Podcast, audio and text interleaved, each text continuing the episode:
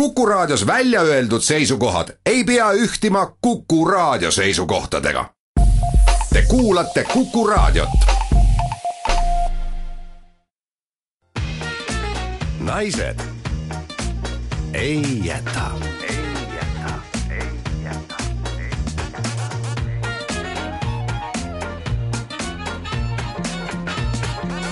naised ei jäta tere hommikust, armsad inimesed, kätte on jõudnud kahekümne seitsmes august, kujutad sa ette, Kristi? ja kell on saanud üheksa läbi kümme minutit. naised ei jäta alustab jälle ja Kristi Kool Marit Umela stuudios. tere hommikust, jah tõesti, uskumatuid fakte pillud siin täna hommikul, kahekümne seitsmes august. mina ei usu. kes oleks võinud uskuda, jah. Läheneme jõudsalt sügisele, ega pole hullu, sügis, tegus aeg, meil oli muide väga tegus nädal. meil oli tohutult tegus nädal, näiteks esmakordselt elus oota, kuula nii, kiirabi sõitis Mhm, mööda. nii. nii., esmakordselt elus käisin mina glamuuripeol. ja mina ka ja, ja me käisime glamuuripeol sellepärast, et meie oleme väga suured Briti teleseriaali Absolutely Fabulous fännid.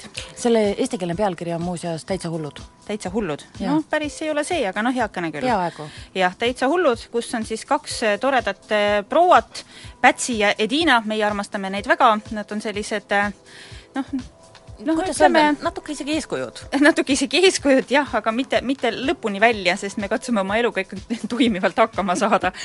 aga nüüd on tehtud sellest täispikk film ja nagu ikka juhtub minu meelest, kui sina teed seriaalis täispika filmi, siis äh, sageli see ei tule hästi välja tavaliselt juhtub nagu alati, ma ei tea ühtegi täispikka filmi, mis oleks parem kui seriaal ise mm. -hmm ka kohe ette ei löö.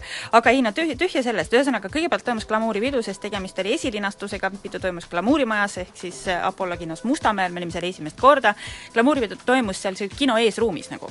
meie lõime ennast lille. oo oh, jaa, sest noh, öeldi, et glamuuripidu. me ikka panime väga palju lilli pähe. aga teinekord võite minna otse töölt, see ei, ei juhtu ka midagi. ei juhtu midagi, sellepärast et me olime ühed väga jõuliselt üles löödud daamid. Jah, aga seal kohapeal sai lasta endale teha soenguid ja siis oli ka Uku Suviste oli, tema juhtis kogu seda äh, üritust. ja siis äh, pakuti jäätist ja me tahtsime jäätist võtta, aga Uku Suviste oli kogu aeg risti ees. no Uku Suviste tegi jäätise tüdrukutega intervjuusid mis jah, noh, ühesõnaga teate, glamuuri nappis ja oleks see olnud väga hea, hea film, mis pärast oli, oleks ma olnud natuke pahane, et glamuuriüritus ei toetanud seda head filmi, aga kuna film õnneks ei olnud väga hea? ei olnud ka väga hea, siis äh, kokkuvõttes moodustas see äh, niisuguse kena terviku. tegelikult ma hakkasin pärast mõtlema, et aga kes oleme meie, et glamuuriüritusi niimoodi hinnata, sest see, kui see oli meil elus esimene kogemus, siis võib-olla selline glamuur ongi.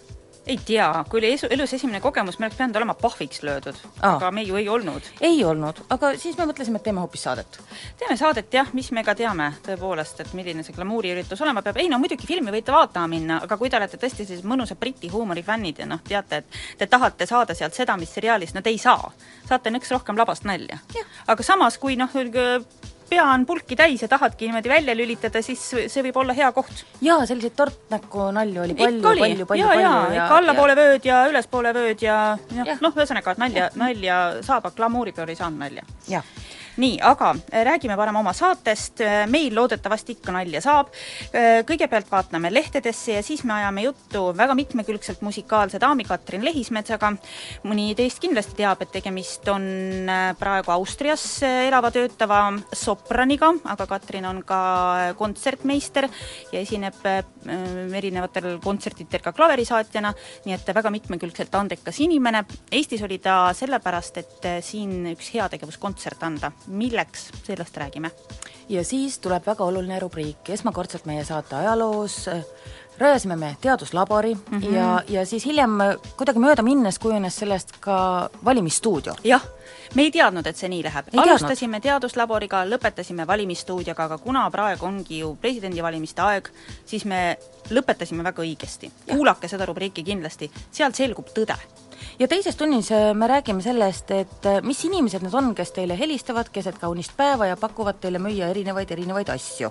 Me ajame juttu Leaga, kes on just nimelt telefonimüüja olnud juba, juba aastaid ja aastaid ja sellel väga tubli ja edukas, et miks see telefonimüük üldse toimib ja, ja missugune on hea telefoni teel müüja. ja hiljem vestlusringis räägime samamoodi daamidega erinevatest telefonimüügi kogemustest just nimelt tarbija vaatenurgast, et mida meile on pakutud, mida me oleme ostnud, mida me oleme ostmata jätnud ja kas need kogemused on olnud pigem meeldivad või pigem ebameeldivad. jah, meie Facebooki lehele ja äh, Kuku raadio kodulehele saate kommentaare kommentaaridesse võite ka oma kogemusi kirjutada telefonimüügiga. aga nüüd kuulame laulu ja siis võtame lehed.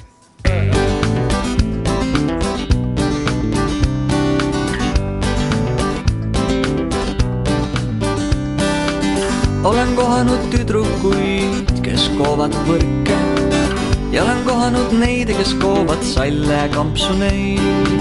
olen kohanud tüdrukuid, kes loovad põrke ja nii maast lahtigi on neid. las nad koovad, las nad toovad sooja, villaseid kampsuneid, salle punase lõngaga. las nad koovad võrke, kuhu ma kinni võin jääda, las nad toovad hellust heleda lõngaga.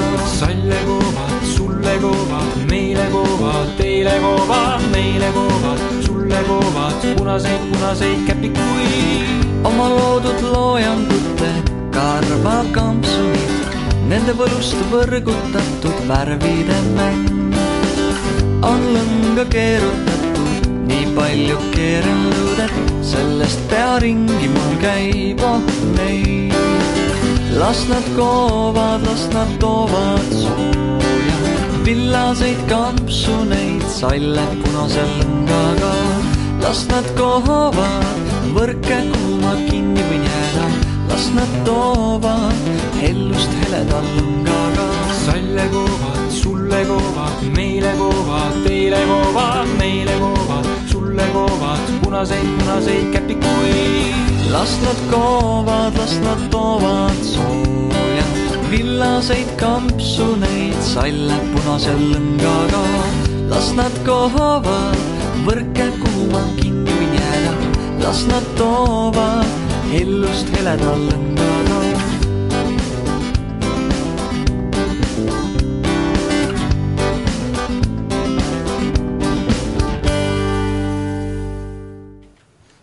lehte lugema? Hakkame jah, ma leidsin Delfi kaudu lingi Saarte Häälele, kus äh, on artikkel, et Saaremaal, Põhja-Saaremaa taevas võidi pildistada ufot. no olin ju põnevil, läksin siis vaatama ja lugesin eelloo ka läbi, et saarlasest telemees Margus Muld pildistas tööle sõites poole kümne paiku hommikul võhmalt lihtsalt teed siia kagu poole jäävat taevast, et vihmamärk tee peegeldas lahedalt päikest, aga kui ta oli pildi valmis teinud, siis ta avastas sealt huvitava täpi, mida oleks võinud pidada täiskuuks, aga sellisel kujul seda pildile ei saaks. ja ufoloog äh, Igor Volka ütleb, et võib-olla ufo küll. no me tegime pildi lahti, muide see ei ole üldse kerge, sellepärast et ma ei tea, kus kohas see saarte hääl täpselt sinna üles riputatud on ja kui me Maritiga mõlemad selle lingi lahti tegime, siis oli, tuli kiri, server on ülekoormatud. oli tükk aega, oli kriginat kostis ja, ja. ja raginat ja lõpuks saime pildi lahti, no ütleme ausalt, on asfalt, on äh, hämarad puud ja taevas on kuu no sina ikka arvad, et kuu, jah? mina arvan, et see on kuu, see on lihtsalt niimoodi pesus kokku tõmmanud kuu, ta on väga kaugel ei tea jah. selline kollane täpukene, ma, ma ei läheks elevile, kui ma seda fotot näen. ma ise, mina poleks, ma, aga kusjuures pärast tuleb välja, et ongi ufo, mul võib olla selliseid kuupilte täiesti palju, ma iga kord mõtlen, et see on kuu, aga tuleb välja, et oh ei. no ja mis me ütleme Martin Vällikule, kui ta on pildistanud seda ufot ja. nüüd ikkagi pikki-pikki aegu ei tea, ei tea. ja no, on öelnud, et see on kuu, pärast tuleb välja, et on ufo. no pärast tuleb välja, ühesõnaga, et kui teete mõnikord pildi, kus tundub, et on kuu, siis selgub, et see võib olla ka ufo. vabalt võib olla. aga minu käes on Päevaleht ja, ja üllatus-üllatus, Päevaleht on triiki täis äh, artikleid erinevate presidendikandidaatidega mm., nende kaaslastega, küsitakse igasugu asju, on ka eelmiste presidentide ja presidendikandidaatidega tehtud äh, intervjuusid ja kuldne aeg praegu ajakirjanduses tegelikult. ega muust väga palju lugeda mm -hmm. ei ole ja Andrus Kivirähk kirjutab samamoodi Päevalehes, et kõik kardavad, et asi läheb val-, valimiskogusse mm. -hmm. ja, ja valimiskogu mõjub nii mõnelegi poliitikule nagu paadunud kontrollfriigile elusloodus. liiga palju on seal suva, suvalist kihinat-kahinat, putukad lendavad ilma täpse sõiduplaanita, puulehed pole üle loetud ja linnud laulavad luba küsimata meie selle väite lükkame täna ümber, et tegelikult äh, ei lenda putukas niisama pliu-pläu midagi. ei lenda. aga see, see on juba meie looduse stihia meie laboris alistus. kõik on kontrolli all Õhtuleht kirjutab sellest, et orbitaaljaamades ja kosmoses saab kasvatada erinevaid taimi ja nii tehaksegi ja järgmise Piritpoki nimelise katseaia me peaksimegi rajama kuskile kõrgustesse aga mida nad tundub. kasvatavad seal? oo, nad on kasvatanud igasuguseid asju. esim-, kõigepealt nad kasvatasid seemnest paprikat, nagu meie, ainult et nad ei saa ise ära süüa seda saaki, sest et see kõik raam saadetakse maa, maale analüüsimiseks. aga siis neil on veel Äh, Orbitaaliumas mirr on kuuel korral kasvatatud lehtsalatit ja teisi salatikultuure, no muidugi see salat kasvab igal pool, tegelikult seda võite maa peal ka, jah, sellega ei ole väga niimoodi hõisata, aga ka redist ja nisu nisu on kuidagi orbitaaljaamas, kas ta segama ei hakka, kui ta tuules no, niimoodi ei... lainetab? nisu ju tavaliselt voogab. et kui sul on orbitaaljaam, kus on pandud nisu. ohtralt nisu, ei, aga neil nisu. on kavas isegi äh, kahe tuhande üheteistkümnendal aastal saadud nisu teine põlvkond sinna kasvama panna, nii et plaanid on suured ja järgmise projektina, äh, ülejärgmisel aastal tahab NASA hakata kasvatama kosmoses kääbustomateid. tomatid meil on olemas, aga mina saadaks neile siis ka kombaini sinna. ai jah, juba vehitakse, et meie aeg on ümber, no mis sa teed, lugege neid lehti siis ise edasi naised ei jäta. naised ei jäta saatel on külaline, külaline päris kaugelt, Austriast tegelikult, ja külaliseks on praegu Eestis visiidil viibiv äh, laulja ja kontsertmeister Katrin Lehismets, tere! tere! Äh, sa oled siin Eestis väga, väga lühikest aega, sa tulid äh, konkreetselt seekord asja pärast? jah, ma tulin konks-, konkreetselt ähm, ühe kontserdi pärast, mis toimus neljapäeval, kahjuks on juba läbi ähm,, ja tegime heategevuskontserdi ähm, Tuuliku talu taastamiseks. et, et selle kontserdi tulu läks siis ähm, Tuuliku talu taastamise fondi. ja kontsert oli väga tore, seal esinesid peale minu Lauri Vasar, Ele Millistver ja Ülla Millistver ja ma arvan, et programm oli ka väga tore. Kui sinusugune staar tuleb juba kaugelt maalt kontserti andma, ma ei siis... nimetaks ennast staariks meie nimetame. meie nimetame e, siis mul on kahtlus, et sul on selle teemaga mingi isiklik suhe?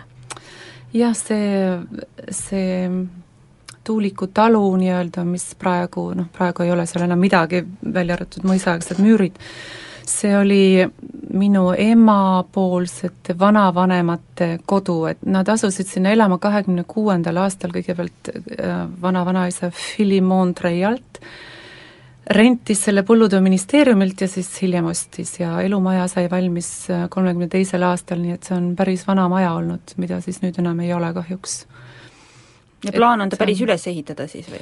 no see on jah niimoodi, et, et kui me sellest kuulsime, et siis ei olnud nagu teist võimalust või jah, tahaks küll üles ehitada, sest, sest kogu see ähm,, kui vanavanemad surid ähm,, Villem siis kuuekümnendal ja, ja Leena kuuekümne seitsmendal aastal, siis hakkas, jäi see maja tühjaks ja hakkas lagunema loomulikult ja katus kukkus sisse ja, ja kuna selle krundi peal asuvad, asub mõisaaegne rehehoone, siis seal on väga suured kõrged müürid ümberringi ja prooviti võtta sealt ka neid põllukive, et, et ähm, maaparandustöödeks või mis iganes, aga, aga tolleaegsete masinate jõud ei käinud mõisatööliste jõust üle, nii et, et see, need müürid jäid seisma.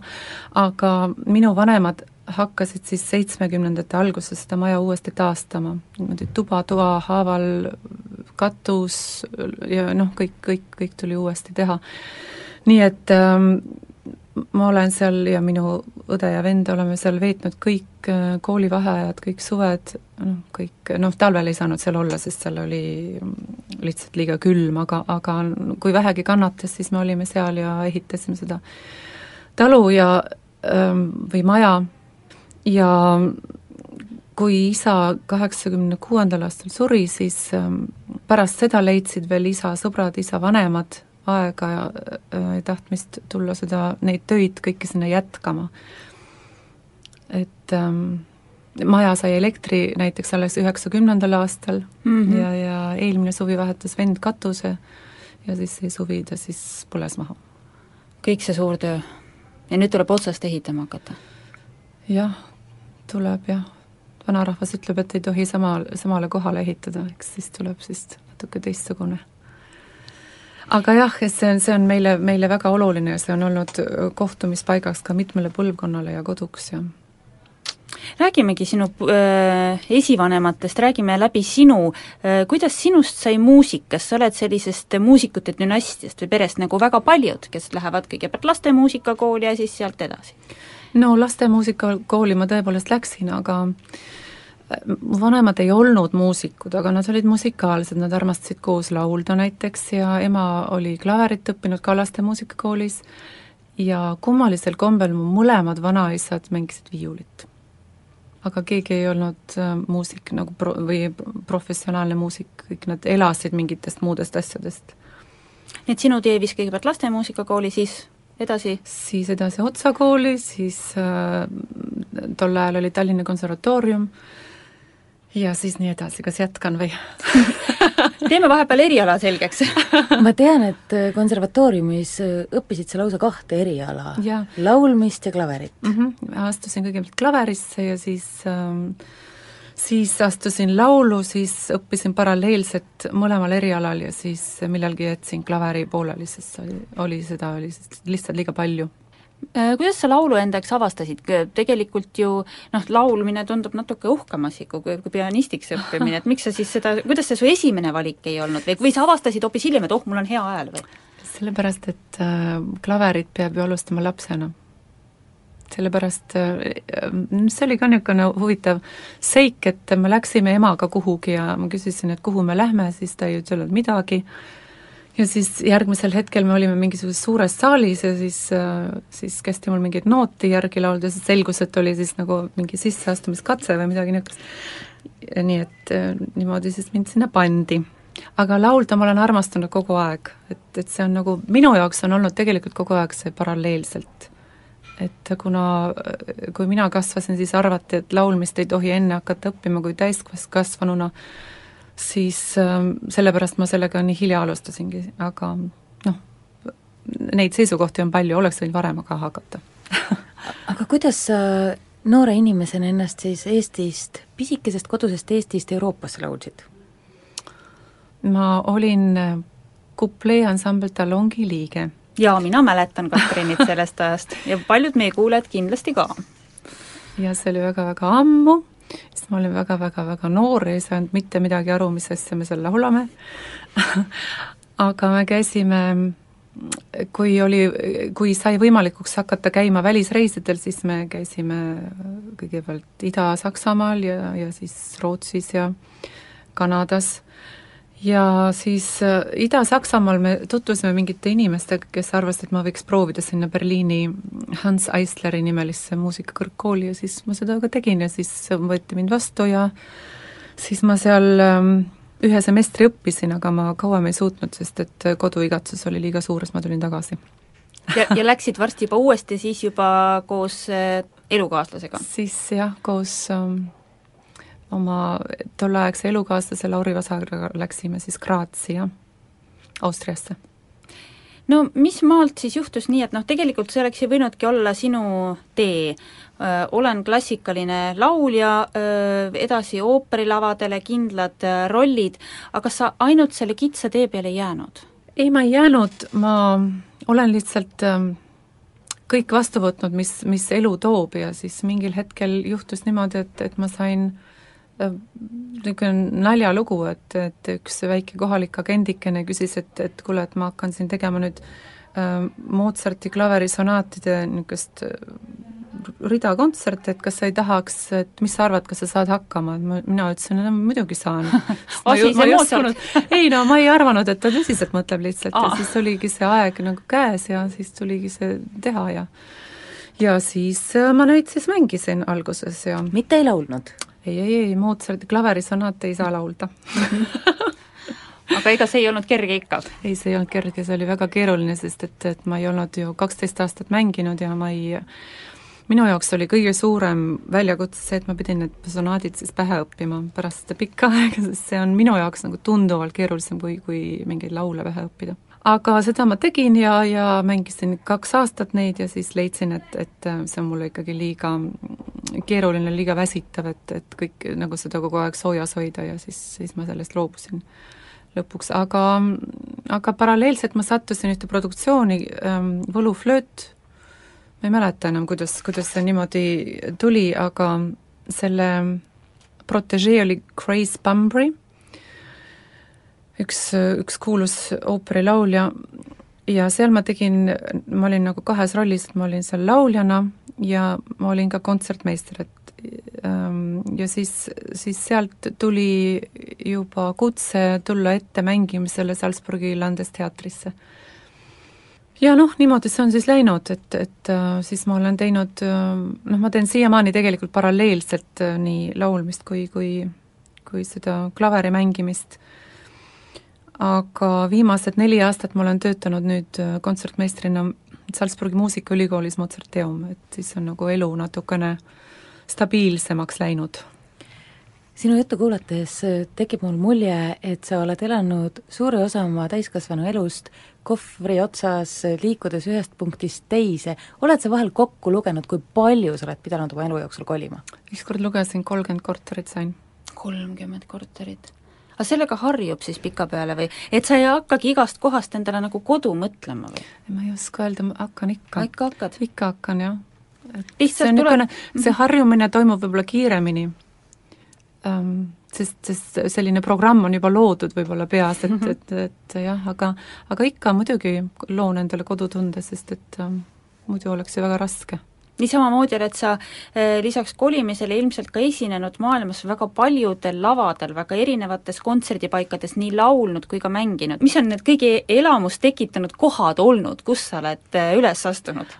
minu meelest kõige ägedam oli, kui see oli Kairo ja Aleksandria ooperimajad, esiteks juba see, kui me tulime lennukist välja, et ma olin esimest korda Aafrika pinnal, see oli nagu minu jaoks nii, nii suur elamus ja siis olid need, siis me nägime oma kontserdikuulut- või oop-, etenduste kuulutusi, mis olid siis äh, araabia keeles, et äh, nagu, nagu oma nime absoluutselt ära ei tundnud muidugi sealt. ja siis oli väga huvitav kogemus, et kui meil oli siis valguse proov, siis ähm, ei olnud elektrit majas valguse proovi ajal? ahsah, jah. ja, ja, ja siis garderoobis olid hästi suured prussakad ja jooksid ringi. oh. siis paneb hästi kiljuma. jaa, see on pigem, võib-olla tekitab hämmingut või niimoodi mm -hmm. jah. Ma tean, et Eesti näitlejad on rääkinud palju neid lugusid, kus üks näitleja teisele ikka vaikselt mingi viguri kokku keerab, et kas sinuga on ka lavadel seda ette tulnud, et, et keegi ikka midagi ära käkerdab ja siis sa pead sellest olukorrast välja tulema? ikka, ikka tuleb ette niisugust asja, et äh, näiteks ähm, tegime Praha ühes ajaloolises teatris, kus toimus ka Mozarti Don Giovanni esiettekanne tema enda taktikepi all. äh,, tegime siis Don Giovannit, mina olin Serlina ja, ja mu partner Don Giovanni siis ütles mulle, et ähm, et äh, seal siis selles kohas, kus ma sind nüüd juhin, ähm, tahan ma sinuga abielluda, io ti voglio sposar, aga ta natukene muutis seda, sõna ähm, io ti voglio scopar, mis siis on ähm, siivutum ettepanek mm. -hmm. Selge, aga sa jõudsid ära ka fikseerida, mida ta ütles mulle praegu? jaa, aga, aga autopiloot läks edasi nii et sa verest välja ei löö? Tekivad küll vahest mingisugused niisugused nagu mustad augud või nagu mõtled, et mis ma nüüd siis teen, aga, aga ma arvan, et see on ka mingi programm, et et kuidagiviisi ikka saab sellest välja, et ma ei oska nüüd täpselt öelda, kuidas ja niimoodi, aga kui palju sa hääle eest pead ikkagi hoolitsema, no kui jäi kaksteist aastat vahele ja hakkasid klaverit mängima, oli raske mm. -hmm. pidevalt sa ei laula, aga kas sa pead pidevalt ikkagi Mm. hoidma hääle töös?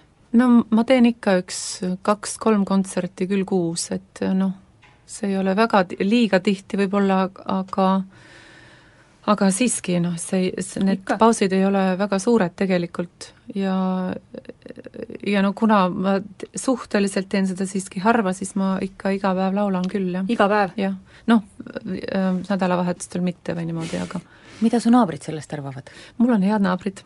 igal pool olnud? ei ole igal pool olnud, ükskord ma pidin ära kolima. tõsi, harjutamise pärast või? jah.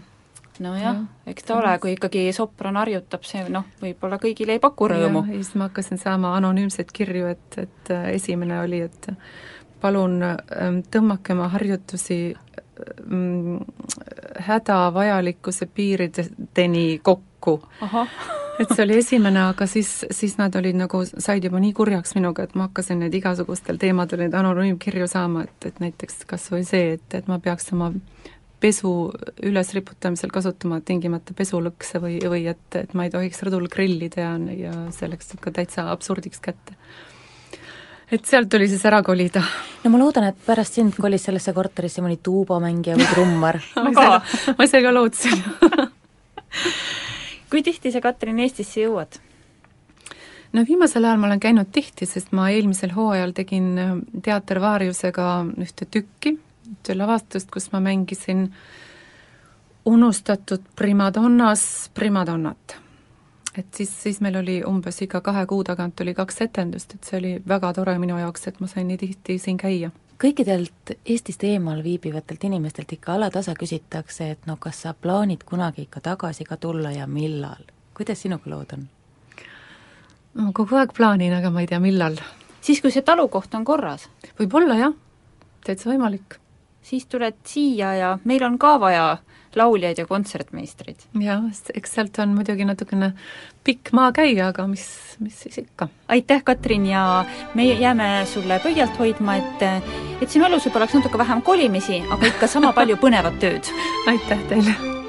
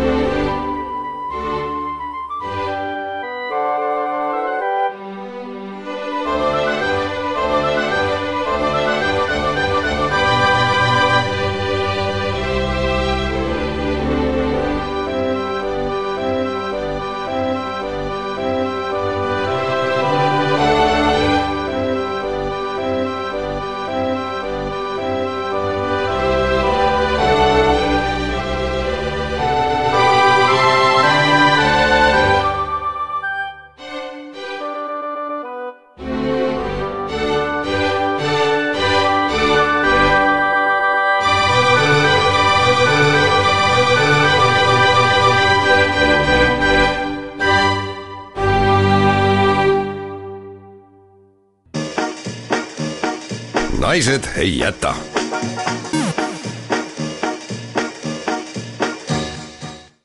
naised ei jäta on olnud spordisaade, Naised ei jäta on olnud nostalgitsemise saade, oleme rääkinud kultuurist, moest. me oleme olnud epohhiloov ja legendaarne. aga üks asi on meil tegemata. ja tegelikult tahame me olla ka tõsiseltvõetav teadussaade tähelepanu, tähelepanu, esimene teaduslik katse saates Naised ei jäta. katses tavaliselt võetakse appi loomad. no sinu kodus on sellega väiksed probleemid. minu kodus on väiksed probleemid, sest minu kodus elab äh, natukene liiga palju allergikuid. et me saaksime loomadega, loomade abil katseid teha? jah, üldse väljend loomkatse teeb mind veidikene ettevaatlikuks, sest meenuvad koledad katsed mm, -hmm. kus tõmmatakse jänestel nahka üle kõrvade ja ühtegi sellist katset me teha ei taha. ei, ei mitte midagi niisugust. pigem ikka sellist äh, loomade käitumist jälgiv katse. täpselt, meie kodus on olemas küll täiesti kaks äh, kassi, aga neid me ka seekord ei katseta, sest et esiteks kaks on nagu vähe, arvestades, et üks on nagunii kapis peidus, ta ei tule välja. Nad ei moodusta valimit. Nad ei moodusta mingit konkreetset teaduslikku valimit, selleks, et teha katset, kus on palju isendeid koos, no pole paremat looma kui äädikakärbes. vana, tuntud teadusloom. ja justkui klaver põõsas jah, on meil sügise hakul olemas äädikakärbsed, palju õnne meile! nüüd hakkame jälgima äädikakärbeste käitumist ja meie eesmärk on selgitada kõigepealt välja, mis on äädikakärbse või kui soovite, puuviljakärbse lemmiktoit. me oleme valmistanud ette väikese heinelaua siin on erinevaid äh, puuvilju, siin on erinevaid vedelaid olluseid, just nimelt selleks, et selgitada välja, mis neile siis tegelikult nii väga mekib. nii, seame sinna aknalauale sisse siis väikese labori. nii, mida meil on? meil on. meil on ploom. ploom, ploom ja ploomi me lõikasime pooleks, et tädikakärbes saaks paremini aru, et see on ploom. ja pääseks ligi. sest ma usun, et selline kinnine suletud ploom teda nii väga ei huvita, aga selline ilusalt avatud, avatud ja. ploom ja. ma näen juba, et siin on mõned lahkunud ähm, äädikakärbsed. see eelmine. eelmine grupp, jah ja on veel jäänud siia. nüüd on siin üks tomat, tomati lõikasime samuti lahti ja see on niisugune kutsuv. ta on kutsuvalt pehme juba, see tomat äh, ilmselt on neile tuttav isegi, ma arvan. siis on Nii. meil kergelt poik veel banaan. jaa ma panen need tooted veidikeste väikeste vahedega, sest muidu me ei saa aru, mida nad mis eelistavad. kõige parem on? on äh, väike sutsuke arbuusi. arbuus peaks neile maitsema, minu tähelepanek, et oi, ma näen juba kedagi lendamas ja noh, eks nad on põnevil. me nimetame seda äh, seda äh, gruppi kärbseid, keda me hakkame nüüd äh, katses kasutama, nimetame grupp üheks. no palun, astuge ligi, astuge ligi. nii, siis on meil siin väike poolitatud virsik ja kuna on nende nimi äädikakärbes, siis panime veidikese palsamäädikat. ma seda kolmekümne protsendist ei julgenud panna, sest ma arvan, et nad kaotavad silmanägemise, see on liiga kange, seda tuleb lahjendada, aga sellega tuleb ettevaatlikult ümber käia, et selline palsamäädikas kuueprotsendine peaks sobima, sest meie vajame, et meie grupp üks oleks nägijad. Ja siis on meil siin äh, alustassi peale valatud sutsukene valget veini mm -hmm. ja ka tibakene õlut. nii, ja nüüd me jääme jälgima. me jääme jälgima, me põhimõtteliselt me varitseme. varitseme. me oleme nagu vanad loodusteadlased, me lihtsalt ja. varitseme ja, ja siis me usume, et selle katse tulemusena me võime teile öelda, mida raudkindlalt ei tasuks oma kööki vedelema jätta. esimene kärbes ma näen, näen, näen, näen, näen, näen, näen ja tundub arbuus või virsik või banaan või arbuus või virsik või ta on kuidagi segaduses. muidugi on, vaata kui palju head kraami on. tahaks ka kangesti astuda natuke tahapoole, et me ei segaks. aga me ei näe. aga siis me ei näe jälle mitte midagi. see on see teadlase raske elu. ma ei näe mingit parvlemist väga palju on surnud juba, ma näen siit akna pealt. igavusse surnud, enne kui me labori püsti saime löödud, surid nad igavusse. tead, mul on niisugune hea mõte no.. jätaks selle labori siia homme hommikuni avatuks. hulluks oled läinud või? miks, ei no see on sinu köök, ma tulen homme hommikul tagasi. ma näen, su nägu läheb kuidagi niimoodi. ei, ei, ma ei ole päris vastu, ütleme nii. teadlane minus ütleb muidugi, muidugi., muidugi teeme ära. pereema minus on kergelt kahtlev ma arvan, et sa võiksid äh, meie teadussaate nimel lülitada välja selle pereema endas. kas sa lähed, räägid mu mehega ise sellest? sellest, et meil on labor või? et meil on siin labor ja et, et, ma, et mu pere. inimene, ta tuleb kööki, ta saab kohe aru, et, meil on labor, labor.. sest kui meie, minu kodus vannituppa ehitati spa, siis tuli minu mees töölt koju ja sai kohe aru, et, et meil on spa ehitatud. nii, aga ma arvan kõigepealt, et enne kui me teeme selle otsuse hommiku kohta, no oleme üks veerand tundi eemal ja vaatame, kas siis on toimunud olulisi arenguid naised ei jäta. me oleme parasjagu kümme minutit oodanud. mul on hakanud kohutavalt igav, sest et labor on nii kaugel, et silme ei seleta, ma pakun välja üks neli meetrit eemal. aga kuna katseloomad on pi väga pisikesed. väga siis ma mõtlesin, et äkki ma teeks oma kümme tuhat sammu sinu korteris nüüd lihtsalt ära. ei saa ei saa, me ei taha, et sa hakkad siin ringi tammuma edasi-tagasi võngetega segama grupp ühte, kes peaks praegu laboris tegema oma valikuid. ei, nii ei saa, vaata ei saa niimoodi teha. mis siis, et labor on köök, samal ajal ei keeda seal keegi Porsche, ei pese nõusid, ei tatsu ringi.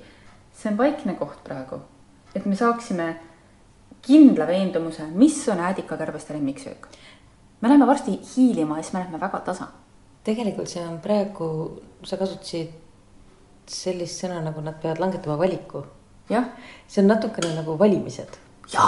ja valimistel ei tohi keegi pealt vaadata, kelle poolt sa oled. just, just, just, just, just, las nad valivad. mul tuli mõte. nii. kuule, vaata kõik need, need juhtumid, kus loomad ennustavad, kes saab, kes võidab jalgpallikohtumise või, või kas Jüri Pootsman saab finaali või ei. seda minu meelest ennustas TV3 uudisteankru Sirje Eesmaa Kass ja kui mu mälu mind ei peta, siis vist valesti. mina tean, et mingi metssümiseja kusagil ennustab ilma. ilma, ma arvan, et kui meil on etapp üks äädikakärbestega läbitud, siis me anname neile presidendivalimised kätte. see oleks tore siis oleks meil selgus majas. meil oleks selgus majas, jätame selle ülesande äädikakärbestele. teeb nii. vast läheme piilume. aga hästi tasakesi. see on, see on nii põnev. see on natukene nagu need loodusteadlased, kes džunglis hiilivad ja lõvisid piiluvad. eks ole. ma, ma proovin niimoodi vähem tümpsutada. ega see ei ole kerge meie eas. sul on sokid jalas. muidugi on. ja sul õigel teadlasel on alati hiilimiseks sokid. kuule, aga äkki nad näevad meid kas sa arvad, et nad ei näe meid või? ma ei ole kindel, nagu neil on silmanägemine alles, me ei andnud neile seda kanget äädikat ju. me oleme tõesti vaikselt. Oi. ma Põra. näen mingit tegevust banaanil. no, tasa, tasa. banaani peal toimub tegevus. me ei tohi kassi kasti astuda. proovime vaikselt hiilida nii, ma näen banaani peal endiselt toimub tegevus, banaani sees toimub ja... tegevus kuule, banaan on ülekaalukalt võitja. Üks Nad... kärbes istub. oi, kui palju neid on. palju põlli, neid on kuskilt juurde tulnud, kui me nüüd siin vaikselt rahuneme. see on juba uus põlvkond. ma arvan küll, et see on uus, see on lihtsalt see, et see esimene kärbes, kes tuli, munes banaani peale, nüüd on neid siin kakskümmend. üks sööb pirsikut uh vaat vein neile ei maitse, aga see oli tõesti odav vein. tõesti oli odav? jah, tõesti ja ma ei tea, kas see äädikas neile ka nagu ei sobi. äädikas neile ei sobi, õlu neile ka enam ei sobi, neile sobib tegelikult selles järjestuses, et ploom on nagu kolmas. mulle tundub, et siin servakese peal üks istub mm. -hmm. ja, ja tundub, et neile meeldib ka virsik, aga no banaani vastu banaan, ei saa. oi, üks istub tomati peal praegu ka. noh, see on äh, selline kõige tervislikum neist see on, hoiab saladat joont. see on Eeriku Orgu toitumiskava peal. See kärbes? jaa, seda on kaugelt näha, aga kusjuures täiesti suureks üllatuseks, arbuusi on nad ära põlanud. ei noh, jah, praegu hetkel küll ei ole, sest banaan on nii palju parem. ühesõnaga, pole paremat toitu äädiga kärbestele kui mäda banaan ja nüüd ma arvan, et me ei hoia seda laborit siin hommikuni, vaid me seibitame selle banaani ilusasti ära. me paneme siia juurde presidendikandidaatide nimed ja vaatame siis, millise tüki peale koguneb kõige rohkem kärbseid ja hommikul teeme loenduse. just, ja saamegi teada, kellest saab Eesti Vabariigi järgmine president. naised ei jäta. kell saab kohe-kohe üheksa hommikul ja teadlased on ärevusest hullumas jah, me ei ole veel laborisse pilku heitnud, aga me teeme seda kohe, muide enne kuskilt on juba info lahti et me äädikakärbeste peal testime, kes saab presidendiks, sellepärast et postkastis oli mul täna selline reklaamleht Allar Jõks presidendiks ja anna hääl Jõksi toetuseks. ma küll hästi ei tea, kas sellest abi on, et me kuskile mingid hääled anname, aga igaks juhuks ma seda laborisse seda paberit ei viinud ma eile veel õhtul helistasin Kristile ja ütlesin talle igaks juhuks, et palun ära tee telekat lahti, sest muidu sealt voogav võib kallutada meie testgruppi. nii et nad on hoitud täielikus äh, infosulus. nagu minagi, ei vaadanud ise, ei näidanud kärbestele. aga läheme nüüd vaatame. Lähme vaatame laborisse. Lähme vaatame laborisse ma võtan igaks juhuks fotoaparaadi kaasa, sest et kui võimalusel. me teeme fotoloenduse. aga fotofiniši. fotofiniši lähme väga tasa. töö käib, ütleme nii. Eh, töö on minu meelest juba võtnud niimoodi pool tuba enda alla, nad on kindlasti kohe hästi, siin võib olla juba, et ei ole grupp üks. nii, oot-oot-oot, et grupp kaks. Eh, mina praegu. sa näed neid või ähm,?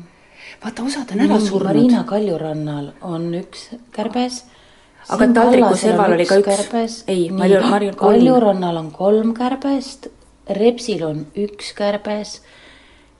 Jõksil ma ei näe kärbest. ma ka ei, Jõksil on Eiki olnud, Nestoril paraku ma ei näe ka kärbest Oota. ei ole, ei ole, see on see on äkki suri ära ei juba., Mart Helmel ma samuti paraku ei näe ühtegi kärbest, Ja Siim Siim Kallasel oi, on neli kärbest. selge. tee pilt ära ja nii, väga hea. Marina kärbsed on ka siin, osa lähevad koore vahele. Aga nad on objektil. ja, ja, ja ikkagi siiski Mart Helmel siiski on tulnud üks töötaja. üks töötaja, nii, Mailis Repsil on kärbes. võta, pane Mailise kärbes ka pildile. no vot Eiki Nestoril ma ei näe. Hetkel ei ole. Jõksil ma ka ei näe Nii. hetkel ei ole. hetkel ei ole ja mõned ma näen aknalaua pealt on ka teaduse nimel juba Hukkunud, lahkunud jah. jah mm -hmm.. ühesõnaga jutt selge. presidendivalimised võidab ja järgmine Eesti Vabariigi president on Siim Kallas, sest äh, äädikakärbsed ennustavad nii. tead, see on ikka uskumatu, mis me teeme, ma mõtlen, et teaduse nimel. muidu ikkagi vaatan naiste lehed ja saated õpetavad, kuidas neid äädikakärbseid hävitada, koristada ja kuidas pühkida. aga me teeme köögilabori. jaa, ega ma ei ole selle peale mõelnud, kuidas see katse nüüd ära lõpetada. jõuliselt. jõuliselt, Jõuliselt. et, et noh, tegelikult on variant, et kui nüüd kahekümne üheksandal Noh. ebaõnnestub see valimine, siis me võime selle projekti hoida avatuna jaa, kuni oktoobrini. ei, aga ma arvan, et see on juba lõpptulemus, mida meile näidatakse. sellepärast me, me ei pannud siia ka praegu selliseid kandidaate, mis on käinud nii-öelda rahva seas läbi. me panime siia mm -hmm. need, kes on osalenud debattidel ja mina arvan, et äädikakärbes on kaugelevaatav teaduslik putukas. lind. ta on lind, lind, ta näeb juba seda lõpptulemust. ma arvan, et me võime juba Siimule ametiketi riputada kaela. jah, siinkohal tahakski Siimu tervitada. jah, palju õnne, Palju õnne. Teist saab president, pange vaim valmis. hei tüdruk mm.. sa kuuled mind ju? aga sa ei näe, sa ei näe.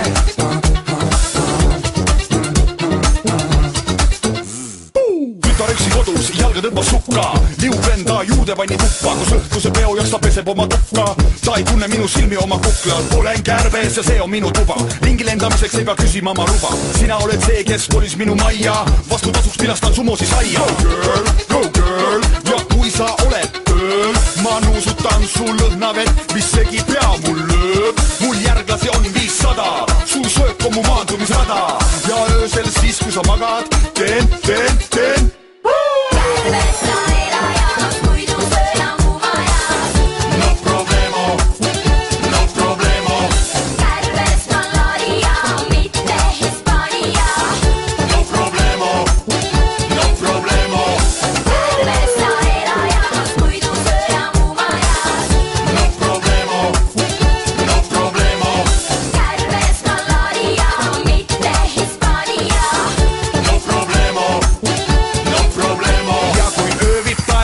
päikese, kinni jään su huule läikesse, sest su suule mu tiivad, kus huuled nii tiirad mind viivad ja ma ei usu väitesse, et käega ma ei tee pesagi, teen küll ja mitut asja lisagi, sa vaid kuula mind ja ära kisa nii ja ära keera rulli ajalehe lisasid. Go girl, go girl. Ja kui sa oled ööl, ma nuusutan su lõhnavett, mis segi pea mul lööb, oma musta viin ma trüki ja sind viin soppama nüki, vastu tahaks vaid suhkrutükki ja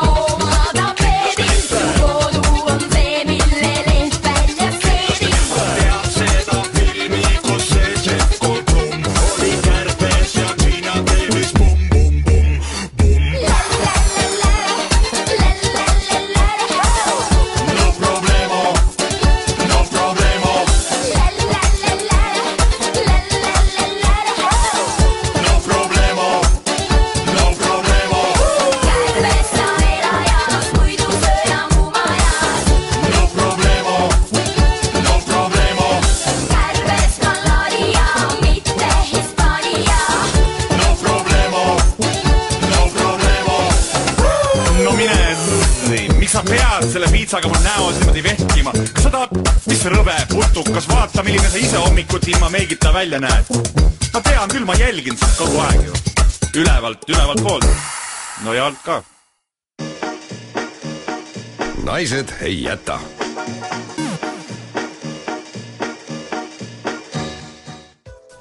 tere hommikust ka kõikidele hilistele ärkajatele, kell on saanud kümme läbi kaheksa minutit, Naised ei jäta teine saatetund on alanud ja stuudios on endiselt Kristi Kool ja Marit Nummelas.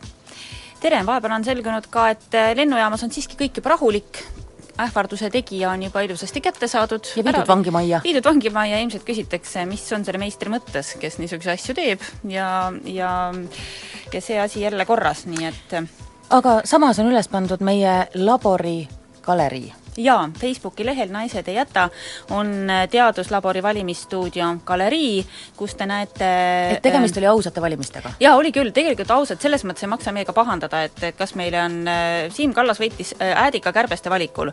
nii et ja, ja kui selgub, et Siim Kallas valimisi ei võida ja meie kärbsed on meid alt vedanud, siis me lihtsalt taotleme rohkem raha, et teha targemate loomadega edaspidi selliseid katseid. kosmoses kosmo-, jah, ja siis juba kosmoses. kosmoses. just, just.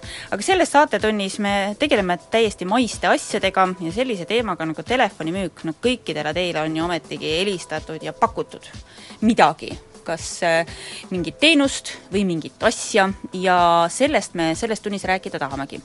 esiti me räägime ühe daamiga, kes on juba pikki aastaid ise tegelenud telefonimüügiga, elik tema on see daam, kes helistab teile ja midagi pakub jah, kuidas teha seda nii, et äh, pakkumine ka vastu võetakse ja milleks üldse telefonimüük elujõuline on, saame küsida. Ja vestlusringis juba kolm daami jagavad oma kogemusi nii ostmise kui müügi koha pealt tegelikult, et, et missugusi naljakaid kõnesid on üks või teine pool kuulnud. Ja neid kõnesid ootame teilt ka, seda tähendab muidugi, et helistada meile ei saa, aga kirjutada, mida kõike on teile pakutud, võib. Facebookis on olemas juba ka vastav postitus, mille alla me kommentaare ootame, on juba tulnud ka. Ja meie kodulehel Naised ja jätta kommentaariumis. nii et kirjutage, andke meile teada, mida Just. on pakutud, kuidas on pakutud. nüüd aga ajame juttu Leaga. naised ei jäta. ma tean mõnda inimest, kellel ei ole telefoni aga ma ei tea mitte ühtegi inimest, kellel oleks telefon ja kes ei oleks saanud elu jooksul mitte ühtegi müügikõnet ja just nimelt telefonimüügist me tahaksimegi täna hommikul veidikene rääkida, selleks me oleme endale külla kutsunud Lea, kes on juba üle kaheteistkümne aasta tegelenud aktiivselt müügitööga, on seal kusjuures väga tubli. aga me ei ütle, millises firmas ta töötab, et teile ei hakkaks tunduma, et me täna hommikul tegeleksime müügiga. just nimelt, tere Lea! tere! no kui me mõtleme telefonimüügi peale üldse, kas sellel on üldse mõtet müüa midagi telefoni teel? minu vastus on jah, sellepärast et esialgu teile võib tunduda, et sellel ei ole mõtet mm,. tundubki. Äh, meedia areneb, veeb areneb ja need äh, asjad võivad üle võtta, aga telefonimüügi puhul on võimalik mõnikord inimesele pakkuda mõnda sellist märksõna, mis paneb ta ahaa-momenti tundma, ahaa, tegelikult isegi selline asi on võimalik, ahaa, siis on mul vaja seda, ahaa, võib-olla see on nii, ma ei teadnudki seda. see telefonimüügis räägitakse toode, asi või situatsioon paremini lahti no minule pigem tundub, et, et selleni jõuda, et rääkida see toode lahti, ongi see telefonimüügi puhul kõige keerulisem osa, sest mina väga tihti, tunnistan ausalt, ütlen ei aitäh, mul ei ole aega kuulata. kuidas sa sellest läbi murrad siis? Iga inimese puhul on hästi-hästi erinev äh, lähenemine, kõikidele ühte mudelit ei ole. ja mina lähtun sellest, et inimesel ongi õigus alati ei öelda. ja kui inimene kuulab mind ja ma saan talt midagi muud küsida, siis ma küsin. kui ta on väga kategooriliselt ei, siis see ei jääb eiks, viisakalt lõpetame kõne ära, ei ole mõtet hakata murdma inimest selles mõttes on telefonimüügis äh, hästi palju selliseid situatsioone, kus osad võivad äh, tunda ennast nagu rünnatuna või ohustatuna, kui neilt midagi muud veel küsitakse. küsimused on tegelikult meil elus iga päev olemas ja, ja kui me neid oma tuttavatelt küsime, siis, siis me ei pane seda ju pahaks. aga kui telefonimüügis teilt küsitakse, siis ei peaks seda ka tegelikult pahaks panema no kas on olemas ka mingi paika pandud selline reeglistik või süsteem, kuidas müügikõnet teha? mulle tuleb meelde kohe üks hiljutine müügikõne, kus mulle pakuti raamatut ja mul tekkis tunne, et see naisterahvas loeb mulle selle raamatu ilmselt ka ette. ja ta ei hinga sealjuures vahepealt, mis oli kõige muljetavaldavam. ilmselt müügimees ei tohi ka, peab oskama ka kaua ühe jutiga rääkida, ühesõnaga ta ütles tere, ma jõudsin ka öelda tere ja siis tuli tahame teile tutvustada raamatut, sealt tuli autor, sealt tuli äh, kõik see sisututvustus, sealt tuli äh, hind, ühesõnaga seda infot tuli, tuli ja tuli ja tuli ja tuli ja, ja ma, ma ikkagi, mõtlesingi, mida ma nüüd teen, et lõppude lõpuks iga, ja kui ta muudkui rääkis ja rääkis, seda suuremaks läks mu süümepiin, et selle vaeva peale ta räägib juba viis minutit ilma hingamata ja ma ütlen ei, väga piinlik. äkki sureb ära? no just nimelt. mina ütlen selle peale, et et selle inimese tööandjal on suur töö tegemata inimese koolitamisel, müügiinimesele, äh, kui sa spetsiaalselt ei koolita teda, kuidas rääkida, kuidas oma toodet tutvustada, siis ta ongi selline meeleheitlikult ettevuristav äh, ja mina küll arvan, et siis, kui teile selline inimene ette satub, siis proovige teda aidata, sellepärast et äh, aidata ei tähenda seda, et ma pean ära ostma selle ei, raamatu? nii, proovige tal lihtsalt tema tempo maha võtta. küsige midagi vahele mm, -hmm. et äh, siis ta hakkab teiega normaalselt suhtlema. et küsin näiteks, et mis värvi on selle raamatu esikaas? see ei ole üldse oluline, mis te küsite. küsige autorit, küsige lehekülgede arvu, mida iganes. aga küsige midagi vahele, võtke see tempo maha. aa, et see ei ole see ikkagi, ma mõtlesin, et tal on ette nähtud mingi aja jooksul võimalikult palju infot minuni, et mul jääks nagu alateadvusse midagi, see on puhta oskamatus lihtsalt, millega ma kokku ja. puutusin. seda oskamatust ilmselt äh, on palju, ega see müügimeeste tase on ilmselt väga ebaühtlane ja mõned võtavad professionaalse firma müüma oma tooteid, mõned proovivad omal käel, see oligi üks kirjastus, kes ilmselt müüski noh, omal käel niimoodi. oskamatus võib olla mitte ainult Äh, ütleme, müüja tasemel, vaid ka organisatsiooni tasemel. sellepärast, et kui nad ei ole endale suutnud äh, sellist äh, koolitust oma müügiinimestele välja mõelda, mis paneks neid normaalselt müüma, siis ongi sellised ettevuristavad või siis selliseid, ütleme, mitmemõttelisi või imelikke küsimusi küsivad müüjad mulle tundub, et väga tihti reklaamitakse sellist äh, müügitööd justkui väga vähenõudvat tööd, et mm -hmm. see sobivad igasugused kellaajad, saad seda teha nädalavahetusel, õhtupoole, laste kõrval. sobib tudengitele. tudengitele, et kõikidele sobib ja noh, nõudmisi praktiliselt ei ole. kas tegelikult ka sobib absoluutselt igasugune inimene telefonimüüjaks? vastus on ei, ei sobi. sellepärast, et esiteks inimene, kes läheb müüma midagi, ta peab olema avatud teistele inimestele. eestlaste puhul, kes on alati väravat kinni hoidnud, on, on see tegelikult nii, et äh, ainult mõned teatud inimesed sobivad müüma. ja, ja sellepärast esimene kriteerium ongi see, et sa pead olema tegelikult ka avatud, mitte et sa mõtled, et sa oled avatud, vaid sa tegelikult ka hea meelega kõikide inimestega suhtled mm. -hmm. ja teiseks, müügiinimese puhul on hästi oluline hääl madal hääl kannab energiat. ja mida kõrgemaks hääl läheb, seda rohkem seda infot, mis müügiinimene välja annab, ei usuta. ja sellepärast ma kindlasti soovitan oma müügimeeskonda võtta madala häälega inimesed müüma, siis on tulemused suuremad.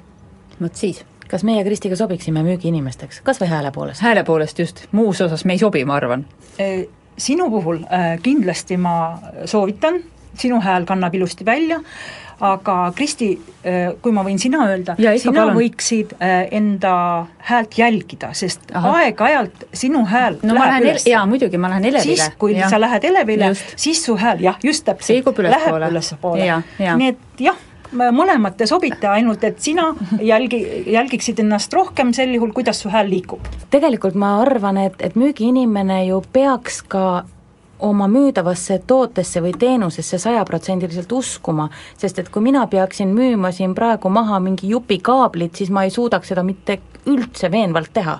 kas, kas on tulnud ette ka selliseid asju, et peab müüma tõesti mingit asja või teenust, millesse sa ei usu ja kas see üldse on võimalik?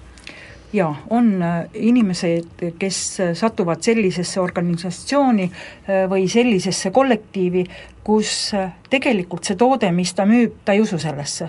aga see on müügiinimese häälest alati kuulda ja sel juhul see hääl on mehaaniline, ta on selline surnud ja selles on puudu päikesepaistet, ma ütleksin. seda on alati tunda missugune on siis ühe hea müügikõne algus, mina olen saanud müügikõnesid äh, erinevate algustega, kas te teate, et meil on üks uus raamat välja tulnud, äh, siis üks kinnisvaramees helistas mulle küsimusega, on teile kunagi tundunud, et teie kodus on vähe ruumi? Ja mina vastasin ei, sest mul ei ole kodus vähe ruumi. ja siis oli tunda, et mees on segaduses, sest et äh, miskipärast oli ta eeldanud, et ma ütlen jah, ja ta saab järgmise punktiga edasi minna. et kas siis, kas siis ongi ette nähtud, et alustage sellise intrigeeriva küsimusega, et tähelepanu tõmmata või, või või tegelikult oleks asjalik küsida kohe seda, kas ta vajab seda või mitte? et algusesse minna sinu küsimuse juurde, et missugune on hea müügikõne algus mm, -hmm. siis hea müügikõne algus on tere ja paus. ja siis sa kuuled, mis sulle vastu öeldakse. sa kuuled häält ja sa paned juba enda jaoks paika, kuidas edasi. ja loomulikult järgmine samm on öelda, miks sa helistad. ja see, miks sa helistad, äh, sisaldab kindlasti siis seda informatsiooni, et näiteks helistan selleks, et seda ja seda müüa, pakkuda või mingi muu sõna, mis sa endale siis oleks selleks korraks mõelnud välja selle asja kohta.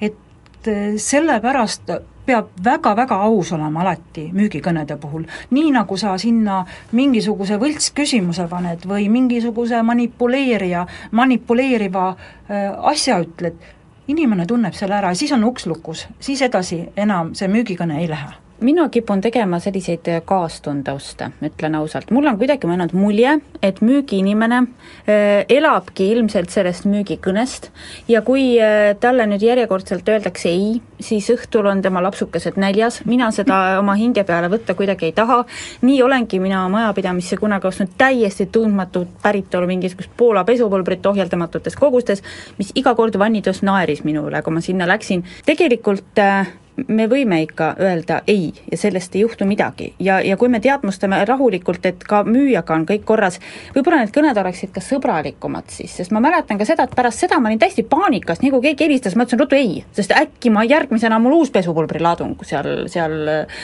olemas, et et võib viisakalt öelda ei ja midagi ei juhtu. jah, võib viisakalt öelda ei ja mitte midagi ei juhtu, sellepärast et äh, tegelikult ei on äh, ka üks osa lihtsalt meie tööst. ja kui antud kõnest tuleb ei, siis me liigume järgmise kõne juurde. no samas olen mina saanud ka selliseid müügikõnesid, kus ma olen keeldunud viisakalt ja olen saanud riielda. et mis mõttes sa ei taha ja, ja ikka hirm tuleb naha vahele, ma ei ole küll ostnud, aga hea, hea mekk sellest küll ei jää, et et kas selline müük on ka siis lubatud?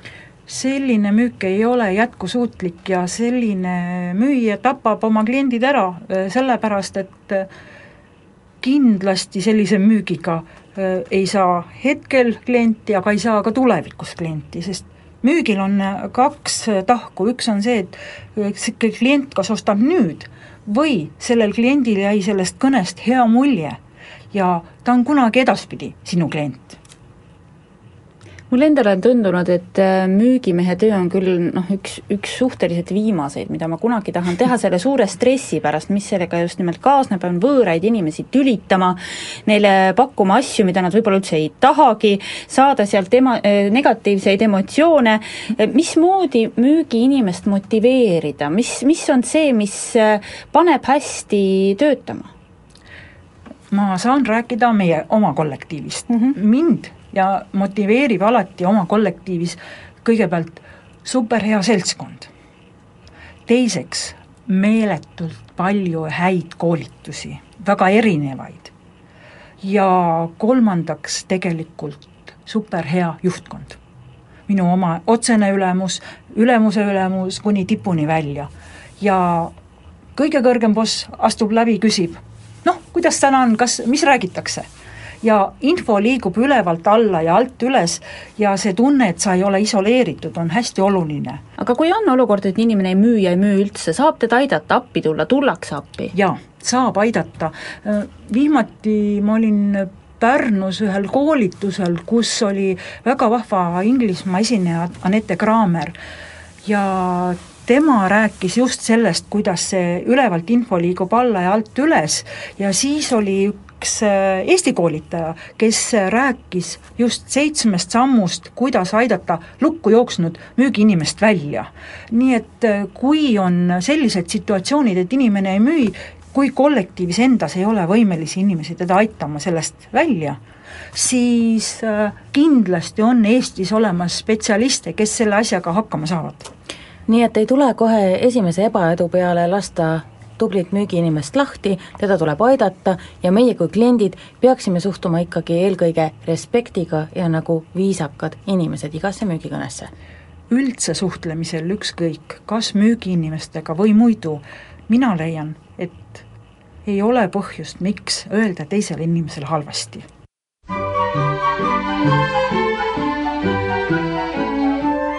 How much is that doggy in the window? The one with the waggly tail. How much is that doggy in the window? I do hope that doggy is for sale. I must take a trip to California and leave my poor sweetheart alone. If he has a dog, he won't be lonesome, and the doggy will have a good home. How much is that doggy in the window? The one with the waggly tail. How much is that doggy in the window? I do hope that doggy is for sale.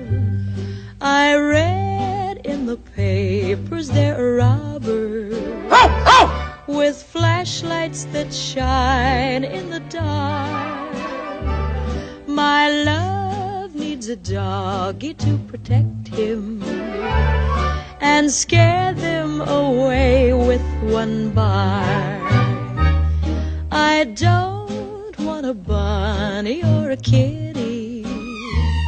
I don't want a parrot that talks. I don't want a bowl of little fishies. He can't take a goldfish for a walk. How much is that doggy in the window? The one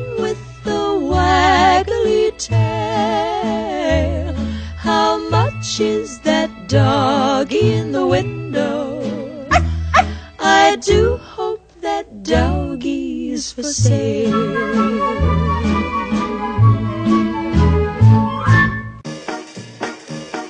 naised ei jäta.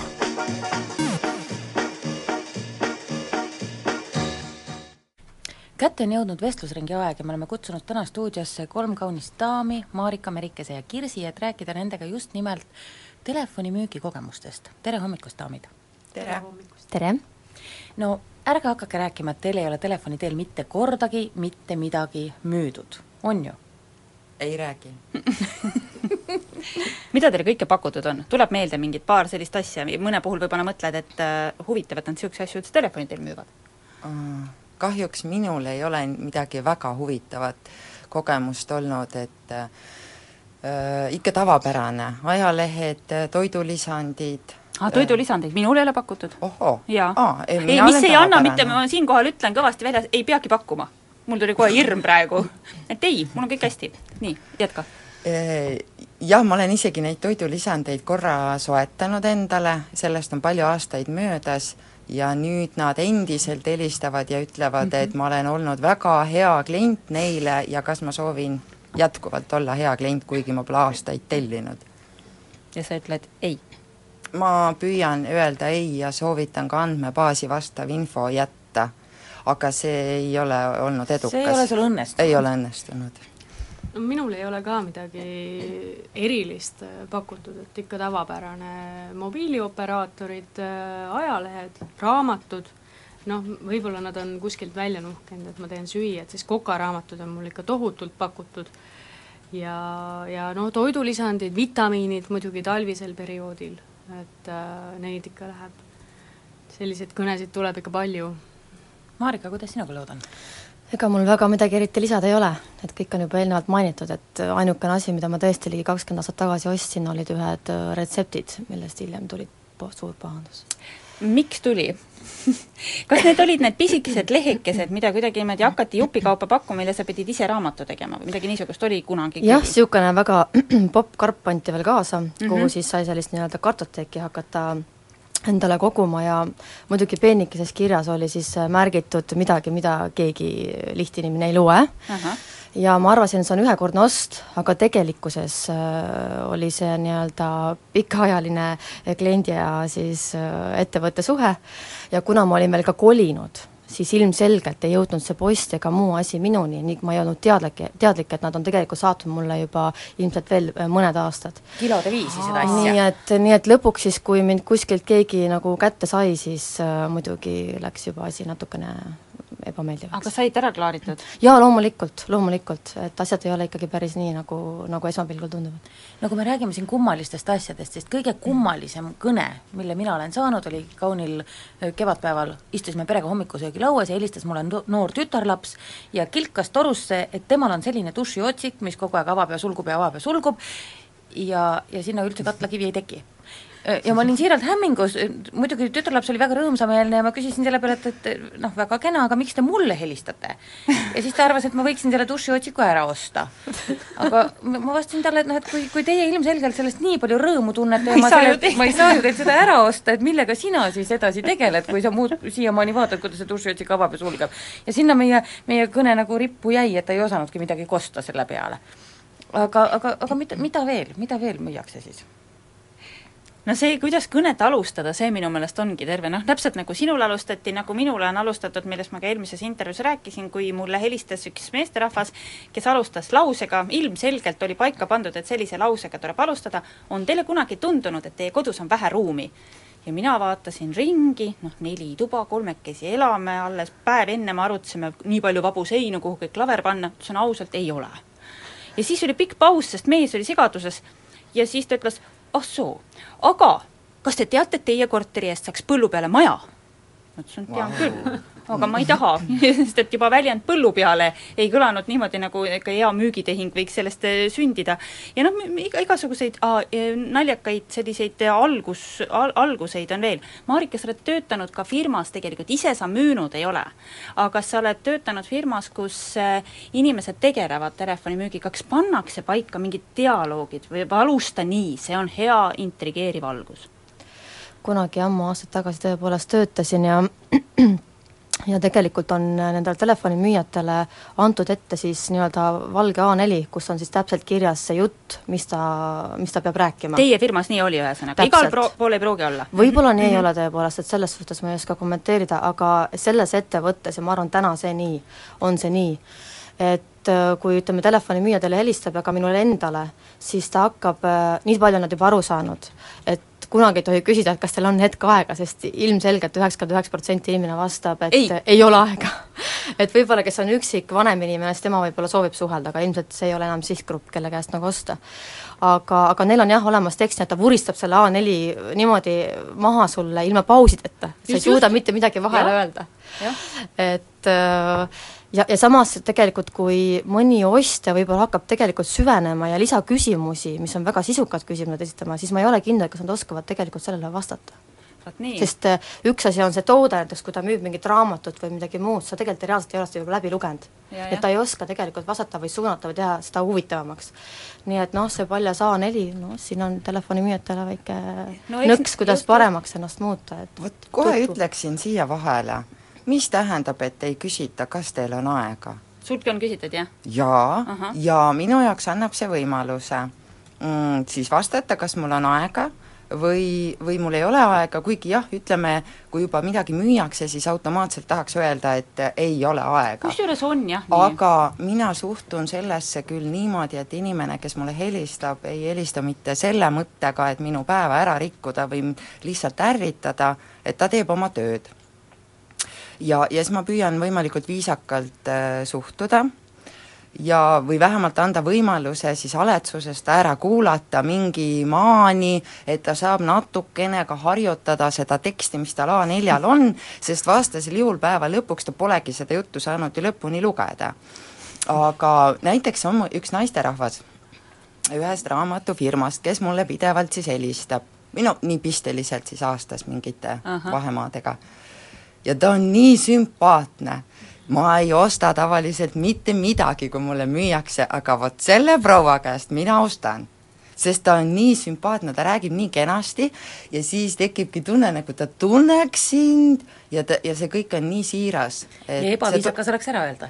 jah, oleks ebaviisakas ja juba põhimõtteliselt, kuna see proua nii äh, kenasti oskab seda asja teha, mida ta teeb, siis äh, ma olen alati ostnud mingi raamatu, midagi tal on ikka pakkuda, mis mu lastele või, või kuidagi sobiks. vot mina nagu üldse ei taha osta neid asju, mida ma ei näe või ei saa katsuda, et noh, raamatud on üks neist, et äh, mulle meeldib raamatupoes käia ikkagi ringi ja vaadata kaant ja milline see raamat nagu on ja ja sirvida lehti, et äh, see, puhtalt selle info põhjal, mis äh, tädi mulle ette vuristab, mulle üldse ei tekigi sellist tunnet, et ma tahaks seda raamatut endale koju mm. -hmm. sest äh, siis ma nagu ei vaataks teda vist. me räägime siin ainult nagu raamatutest, aga tegelikult ju väga palju on pakutud, nagu ma eelnevalt ka mainisin äh,, siin erinevaid vitamiine mm, -hmm. või näiteks trikoosid, ujumistrikoosid, naiste pesu ja isegi žiletiterasid, eks et siis äh, no ütleme, et sa pead olema väga hea müüja, et sellist asja tegelikult inimesele ostetavaks muuta, just nimelt. aga et saavad hakkama või? aga kusjuures ikkagi midagi peab toimuma ja midagi peab müüma sellepärast et muidu neid ju ei pakutaks. tähendab, inimesed ikkagi ostavad. keegi ikkagi ostab mm. -hmm. mulle endale pole pakutud selliseid asju, ütleme konkreetselt, et ma isegi ei kujuta ette, mis seal nii-öelda selles müügikõnes kirjas on. et mis teeb selle toote niivõrd atraktiivseks, et sa pead selle nii-öelda pimesi ostma. no minule on pesuteemadel helistatud, helistatud äh, mitmeid kordi ja, ja sarnaselt Kirsiga olen mina selline daam, kes väga ei taha nagu telefoni teel pesu osta. mulle tundub, et kui ma ikka katsuda ei saa ja näha ei saa, et no kuidas ma ostan seda põrsast kotis. no seal võib mööda panna. veits veits võib Tõesti. panna mööda. ja, ja siis ma olen äh, seda ka väljendanud, et ei, et ma ei tea, et, et pesu ostmine telefoni teel ja siis on, on müüja mulle öelnud, aga meeste pesu siis ma olen vastanud, ma ei kanna meestepesu, et mm. ole, noh, ei ole midagi, aga kahjuks ma meestepesu ei kanna. aga et, et ikka üritatakse küll, jaa. no samas võib-olla mingil meesterahval on, on väga hea meel, kui pakutakse meestepesu, ta peab esiteks minema kuskile, tema seda oma numbrit ilmselt raudselt teab ja noh, lõppude lõpuks meestepesuga võib-olla on veidi kergem ka niimoodi mingi piirini ta venib ja noh, kui ta mingi piirini on suurem, ei juhtu ka hullu. et ma arvan, et mehed ilmselt võib-olla oleks isegi rahul sellise asjaga. ma arvan küll ütleme, naiste puhul on see pisut jah, keerulisem, aga, aga meeste puhul tegelikult sul ongi nii-öelda noh, üldjoontes ongi sul kas SM, L või XL et siis sa validki täpselt endale selle vastava mõõduga nagu õige püksipaari. jah, ilus häälega, madala häälega, nagu Marit naine helistab ka ja ütleb, ostke bokserid, no küll ta ostab. ostke endale püksid. Aga tegelikult äh, mõned äh, telefonimüüjad ikka, ka siis, kui sa oled nendega väga sõbralik, ei pea sellele kõnele vastu. sest et minuga juhtus üks selline väga lõbus lugu, et helistati mulle ja pakuti müüa doktor Vassiljevi tervisenõuannete raamatut. ja seisin ma Kristi kõrval sellel hetkel, kui see kõne toimus, muidu ta ei usuks, et selline asi juhtus, ja, ja kuna me olime just eelmisel päeval näinud televiisorist doktor Vassiljevi tervisesaadet ja, ja meile pakkus see väga palju rõõmu, siis ma hüüdsin telefonimüüjale torus, et aga loomulikult doktor Vassiljevi raamatust tahan mina kõike kuulda. ja teate, mis juhtus?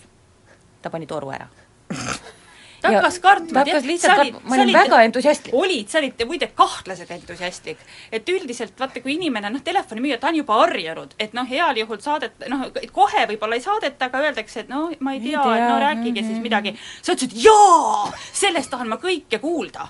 muidugi ta ehmatas ära mulle meenub üks lugu, kus äh, telefonimüüja helistas pensionärile, kellel oli aega ju laialt käes ja siis ta küsis viisakalt, et äh, vabandust, et on teil hetk aega ja pensionär vastas, et noh, aega on mul küll, aga, aga raha mul ei ole. ja siis lõppes ka kõne kiirelt, et mm. et noh, et noh, tegelikult on see ju nii-öelda ka lõbustav, kui sul päevad läbi ei ole midagi muud teha ja siis lõpuks tuleb see päästev kõne, mis, mis teeb nagu meele kohe rõõmsaks. no tegelikult peaks hea telefonimüüja rääkima enda jutu ilusasti ära ka inimesele, kes ütleb ausalt välja, et mul ei ole raha, sest kust sa tead, võib-olla homme võidab ta lotoga miljardi või piljardi Ta ja tahab kohe. sinult kõiki Jaa. neid tooteid osta, et minu meelest on see väga rumal, kui sa sellise statement'i peale nagu kõne ära lõpetad. minul oli vahepeal sellised head nipid, kuidas kiirelt ja viisakalt see kõne lõpetada. Eriti aita mind, ole hea. um, Noh. kui ma nüüd need välja räägin, siis olen ma ju hädas edaspidi. pärast kirjuta mulle paar Um, tükki. no masu ajal toimis väga hästi see, et äh, kuulasin kenasti, viisakalt ja siis ütlesin, et aga teate, ma nii tahan neid asju, aga ma olen väikelastega kodus, tööd meil ei ole ja nii edasi, nii edasi ja see toimis, see tõesti toimis, täna enam ei toimi, sest nüüd nad hakkavad kauplema, et on järelmaks, aga kui oli masuaeg, siis see, siis see väga hästi toimis, väga kaastundlikult sooviti parimat ja, ja küsiti, kas kunagi tohib veel helistada, mina muidugi lubasin ja, ja kõne lõppes, aga praegu, praegu kaubeldakse järelmaksu peale ja siis lõpuks läheb asi juba ärritumiseni välja, et vabandage, et kas ma kavatsen leida rahapaja, et erinevalt sinust, Marit, kes kavatseb miljoni võita homme, siis minul ei olnud nii selget plaani ja, ja siis me, ja siis me vaidleme selle müüjannaga või härramüüjaga, et, et kas noh, mul järgmine kuu on siis seda rahapada kuskilt võtta või ei ole. Marika, sa tahtsid midagi? jah, ma kuulasin seda juttu ja siis millegipärast ma tundsin ennast ära sa oled ka seda nippi kasutanud? kusjuures äh, mina ei kasuta nippi, mina rääkisin täitsa tõtt. et ükskõik, isegi et üks asi on telefonimüüjad või teine asi on, kui sa käid kuskil, kuskil ostukeskuses ja astuvad sulle igasugused muust pangast ja, ja, ja, ja, ja, ja. ja siis mingisugused teleoperaatorid ja nii edasi sulle ligi ja kuhu hakkavad midagi seal müüma.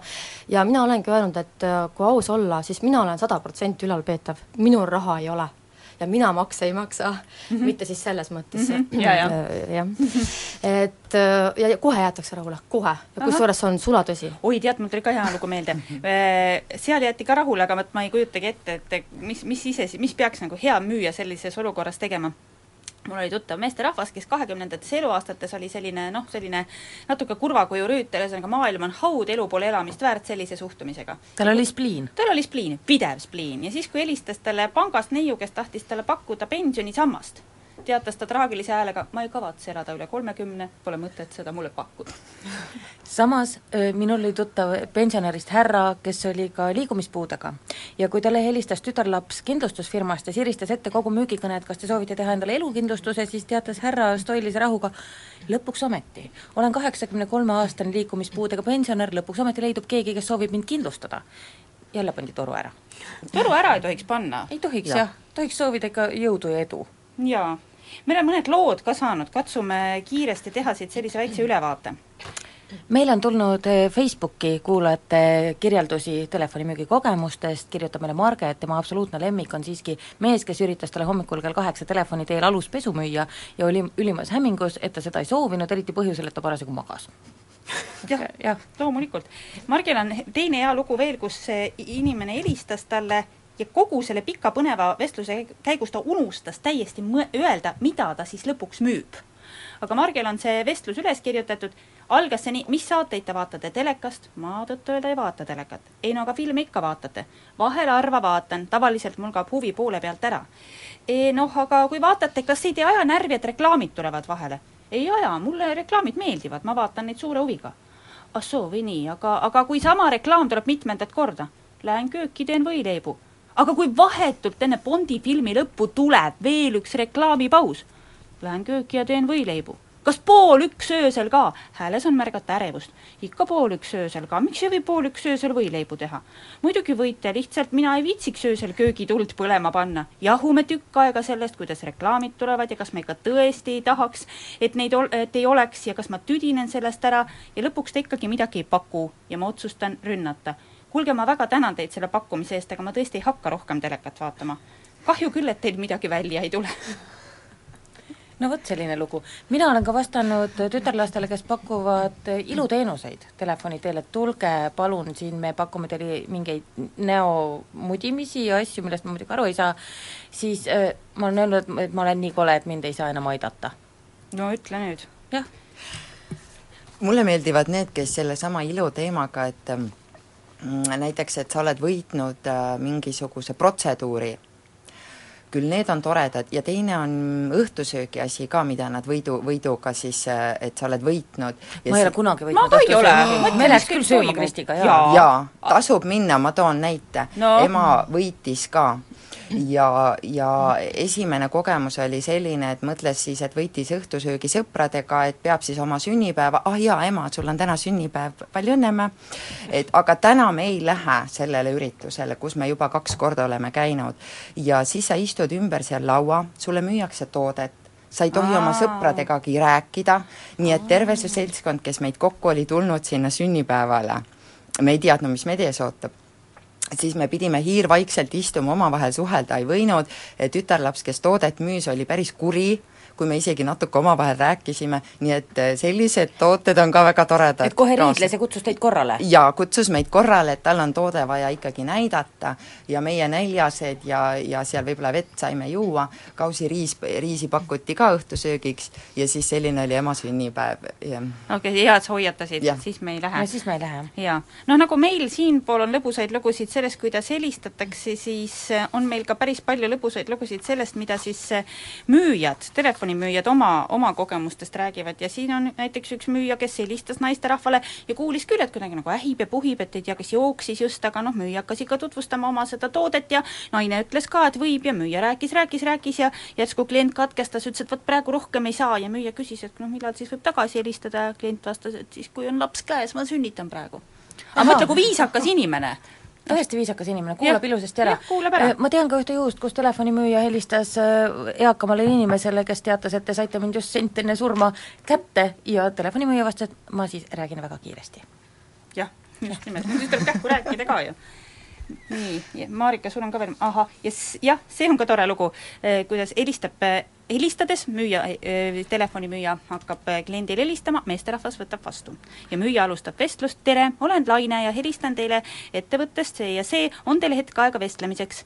klient vastas, kahjuks ma ei saa teiega hetkel vestelda aga ta ei pannud kõnet kinni ja müüja kuulis, kuidas naine kõrvalt vihaselt küsis, kes see on, kes see on, kes see on? mees ütles, ma ei tea, kes see on ja naine vastas vihaselt, kuidas kurat sa ei tea, ta ütles ju, et ta on Laine.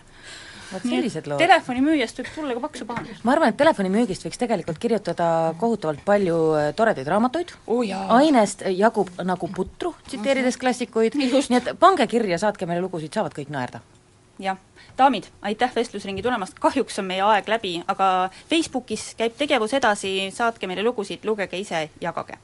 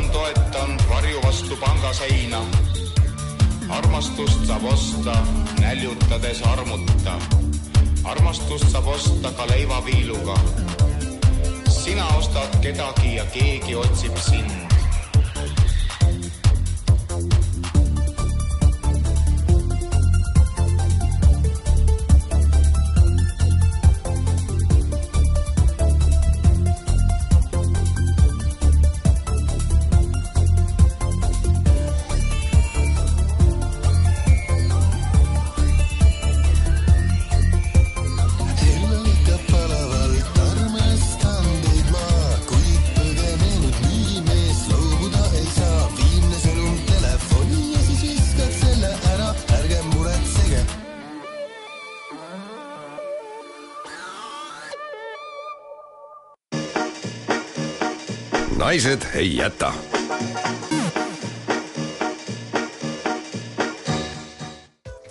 meie saade hakkab tasapisi läbi saama, aga meie vestlusring ei kipu lõppema, sest et kodulehele kirjutas ka üks kena tütarlaps või daam Ann, kes ütleb, et ükskord Kaubanduskeskuses sooviti talle pakkuda mingit telekapaketti ja ta vastas, et tal ei ole ei kodu ega telekat. mm. -hmm. Ja see on hea vastus tegelikult, sest kui sa Jah. ütled, et telekat ei ole, no küll nad kukuvad sind kohe lähimasse elektroonikapoodi suunama, eks ole, et minge võtke sealt telekast, teeme kohe paketi.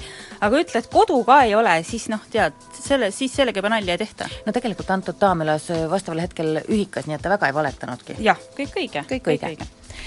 kuhu minna, kuhu minna? oi, igale poole, no näiteks Marit, kui sa tahad, kell kaksteist algab siin üle, ümber Ülemiste järve algab jooks. Ma väga ei taha. ei taha veepuhastusjaama juures startida? kas ma pean? ei, ei pea, ei pea, hoidku selle eest. aga kes kui- tahavad, need minge jookske ümber Ülemiste järve, ma ei tea, kui pikk see on, 14 neliteist kilomeetrit, no kannatab vast ära hädaga. ilus ilm, jookske. Just. ja, ja, ja siis äh, täna tähistatakse ka EÜM-i juubelit. ja kõik malevahundid. malevahundid kell seitse on Kadriorus Pillapalu platsil vägev kontsertkokkutulek, nii et minge ja rokkige täiega. Just nimelt, kõik, kes on olnud ise malevlased ja ka loomulikult need, kes on olnud rühmajuhid. aga e, öös, öö tuleb ka väga tegus. Öös on asju. öös on asju, kõigepealt on ju kultuuriöö, mis tähendab seda, et väga palju on üle Tallinna öö, ja asi hakkab pihta juba päeval alates kella kolmest, küll töötubasid, näitusi, kontserte, etendusi, filme ja kõik see puhta tasuta. minge Tallinna kodulehele, lööge sisse kultuuriöö, leiate ajakava ja on põhjust see läbi töötada. ja öösel möllata. ja öösel möllata. ja on teine öö ka, on muinastulede öö. no just. ja see tähendab seda, et inimesed lähevad äh, ranna äärde tegema lõket, nii et vaadake, on olemas selline kodu, koduleht nagu muinastuled.ee, kus on äh, võimalik näha, kus on siis lõkkekohad mm -hmm. ja, Mhm. ja nendega liituda või siis teha täitsa oma eraldiseisev lõke. jah, aga olge ettevaatlikud, sest me lugesime Õhtulehest ho- hoiatavat pealkirja Punane kukk neelas ööga kogu tori hobuste talveheina. nii et punase kukkega ei ole Jah, nalja. see kukk on üks kuri loom, ta peab olema väga suur, kui ta kõik need heinad korraga alla neelab. jube elukas. jube elukas, nii et olge valvsad, armsad inimesed, et ei tuleks kukk. ühesõnaga, tuld tuleb teha ettevaatlikult, on selle asja moraal. saade on läbi, nädala pärast saame jälle kokku. siis juba septembris.